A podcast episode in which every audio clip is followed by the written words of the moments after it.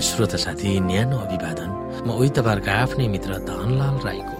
श्रोता आज म तपाईँको बिचमा बाइबल सन्देश लिएर आएको छु। आजको बाइबल सन्देशको शीर्षक रहेको छ यात्राको निम्ति पथ प्रदर्शक वा गोठालो श्रोता साथी हामीलाई विभिन्न पदहरूमा गोठालोको बारेमा चित्रण गरिएको छ। तिनीहरूमा हामी के सिक्न सक्दछौ? हामी यहाँ यसैया चालिस अध्यायको नौदेखि एघारसम्म हेरौँ। यहाँ भनिएको छ हे सिमोनलाई शुभ समाचार सुनाउने हो। तिमी अग्लो पर्वतमा जाऊ हेरी श्रेमलाई शुभ समाचार सुनाउने हो। जोरसँग तिम्रो स्वर उचाल नडराउ यहुदाका नगरहरूलाई भन। हेर तिमीहरूका परमेश्वर यही हुनुहुन्छ। हेर परमप्रभु परमेश्वर पराक्रम साथ आउँदै हुनुहुन्छ र उहाँको हातले शासन गर्नुहुन्छ। हेर उहाँको इनाम उहाँसितै छ र उहाँको प्रतिफल उहाँकै साथमा छ। उहाँले आफ्नो बगाललाई गोठालोले झै चराउनुहुन्छ। उहाँले तुमाहरूलाई आफ्नै अङ्गालोमा लिनुहुन्छ र तिनीहरूलाई आफ्नै हृदयको नजिक बोक्नुहुन्छ। उहाँले ससाना बच्चा भएकालाई चाहिँ बिस्तारा बिस्तारा डोराउनुहुन्छ। यसै गरी एर्मिया तेइस अध्यायलाई पनि हामी हेर्न सक्छौँ। परमप्रभु घोषणा गर्नुहुन्छ मेरा खर्काका भेडाहरूलाई नष्ट गर्ने र छरपष्ट पार्ने गोठालाहरूलाई धिक्का यसै कारण आफ्नो प्रजालाई चराउने गोठालाहरूका विषयमा परमप्रभु इजरायलका परमेश्वर यसो भन्नुहुन्छ। तिमीहरूले मेरो बगाललाई छरपष्ट पार्यौ र तिमीहरूले तिनीहरूलाई थपायौ र तिनीहरूको हेरचाह गरेनौ। यसै कारण तिमीहरूको दुष्ट कामको निम्ति म तिमीहरूलाई दण्ड दिनेछु। परमप्रभु भन्नुहुन्छ। मेरा बगालका बाँचेकाहरूलाई मैले तिमीहरूलाई धपाएका सबै देशहरूबाट जम्मा गरेर म आफै तिमीहरूलाई तिनीहरूको खर्कमा फर्काइ ल्याउनेछु। जहाँ तिनीहरू फलवन्त हुनेछन् र संख्यामा तिनीहरूको वृद्धि हुनेछ म तिमीहरूमाथि गोठालाहरू खटाउनेछु जसले तिमीहरूलाई चराउनेछन् र तिनीहरू न त डराउनेछन् न त तर्सिनेछन् न तिनीहरू मध्ये कुनै हराउनेछ परमप्रभु भन्नुहुन्छ यसै गरी जिकिएल चौतिस अध्यायको एकदेखि हामी हेर्न सक्छौँ यहाँ। परमप्रभुको यो वचन म कहाँ आयो? हे मानिसको छोरो इसरायलका गोठालाहरूका विरुद्धमा यो अगमबाडी तिमीहरूलाई कहेर भन्। परमप्रभु परमेश्वर यसो भन्नुहुन्छ धिकार इसरायलका गोठालाहरूलाई जसले आफ्नै मात्र वास्ता गर्दछन्। कि गोठालाले भेडाहरूको वास्ता गर्नुपर्ने होइन? तिमीहरू दही खान्छौ उनको वस्त्र लगाउँछौ मोटा मोटा पशुहरू मार्छौ तर बगाललाई चाहिँ तिमीहरू वास्तै गर्दैनौ। तिमीहरूले दुर्बललाई बलिया पारेका छैनौ बिरामीलाई निको पारेका छैनौ घाइतेलाई मलमपट्टि लगाइदिएका छैनौ तिमीहरू बाटो बिराएकालाई बाटोमा ल्याएका छैनौ हराएकालाई खोजेका छैनौ। तिमीहरूले तिनीहरूलाई निर्दयता र कठोर साथ शासन गरेका छौ यसैले तिमीहरू छरपष्ट भए किनकि तिनीहरूको गोठालो नै थिएन। जब तिनीहरू छरपष्ट भए तब तिनीहरू जङ्गली जनावरको शिकार भए। मेरो भेडाहरू बाटो बिराएर पहाडहरू र हरेक अल्गो डाँडामा गए तिनीहरू सारा पृथ्वीभरि नै छरपष्ट भए र कसैले तिनीहरूको खोजी अथवा सोधपुछ गरेन। यसकारण हे गोठालाहरू हो परमप्रभुको वचन सुन परमप्रभु परमेश्वर भन्नुहुन्छ। जस्तो म जीवित छु गोठाला नभएका कारण मेरा बगाल लुटिएर जङ्गली जनावरहरूको आहारा भएका छन्। किनभने मेरा गोठालाहरूले मेरा बगालको खोजी गरेनन् र भेडाहरूको त होइन तर आफ्नै मात्र वास्ता गरे। यसै कारण हे गोठालाहरू हो परमप्रभु सुन। परमप्रभु परमेश्वर यसो भन्नुहुन्छ म गोठालाहरूका विरुद्धमा छु र तिमीहरूले मेरो बगालको लेखा दिनुपर्ने छ म ती गोठालाहरूलाई बगालको हेरचाह गर्नदेखि हटाइदिनेछु ताकि गोठालाहरूले अब आफैलाई पोस्याउन नपाउन्। म तिमीहरूका मुखबाट मेरा बगाललाई बचाउनेछु। र मेरा भेडाहरू तिमीहरूका निम्ति भोजन हुने छैन।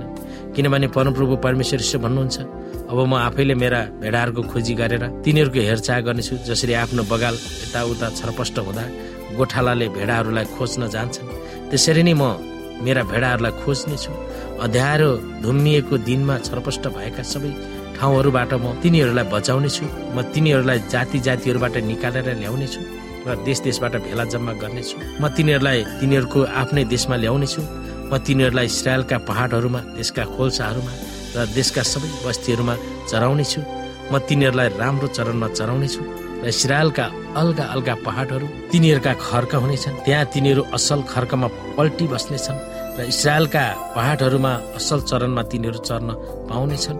म आफै मेरा भेडाहरूको हेरचाह गर्नेछु र तिनीहरूलाई त्यहाँ सुताउनेछु परमप्रभु परमेश्वर भन्नुहुन्छ।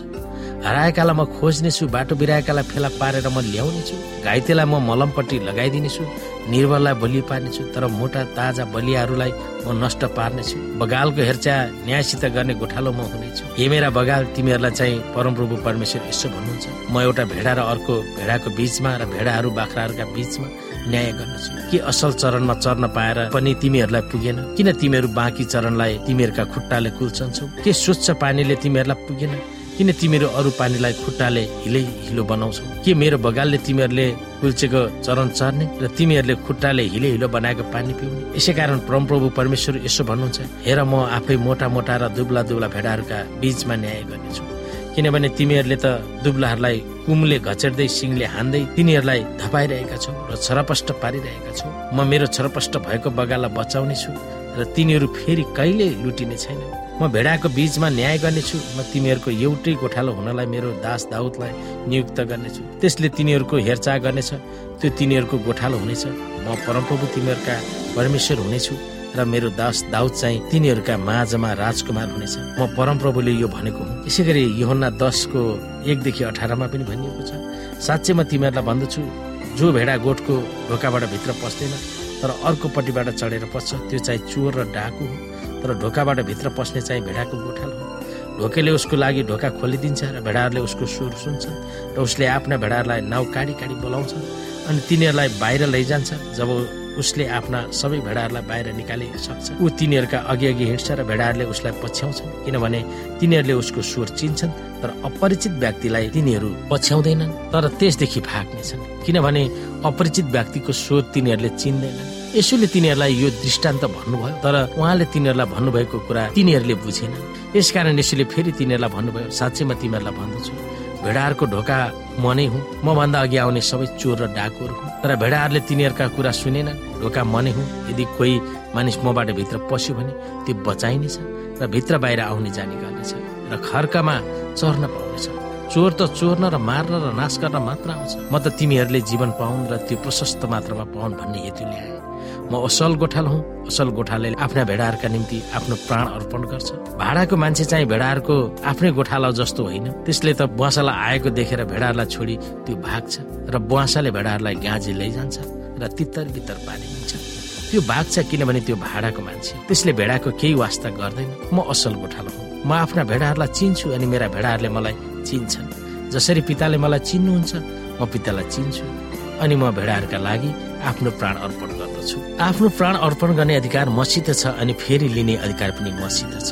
यो आज्ञा मैले मेरा पिताबाट पाएको छु। श्रोत साथी हामीले भजन सङ्ग्रह त्यसलाई हेऱ्यौँ भने माथिका भावनाहरूलाई पुष्टि गर्न गोठालाले आफ्नो बगाललाई कसरी स्याहार गर्छन् भनेर प्रष्ट गरिएको छ। उहाँले मलाई हरियो खर्कमा चराउनुहुन्छ र मलाई शान्त पानीको छेउमा डोर्याउनुहुन्छ। उहाँले मेरो प्राणलाई पुनर्जीवित पार्नुहुन्छ वा अहिले नै पुनर्जीवनको प्रत्याभूति दिनुहुन्छ। उहाँले आफ्नो नाउँको खातिर मलाई धार्मिकताको मार्गमा कुन बाटोमा हिँड्ने हो सोतिर डोर्याउनुहुन्छ।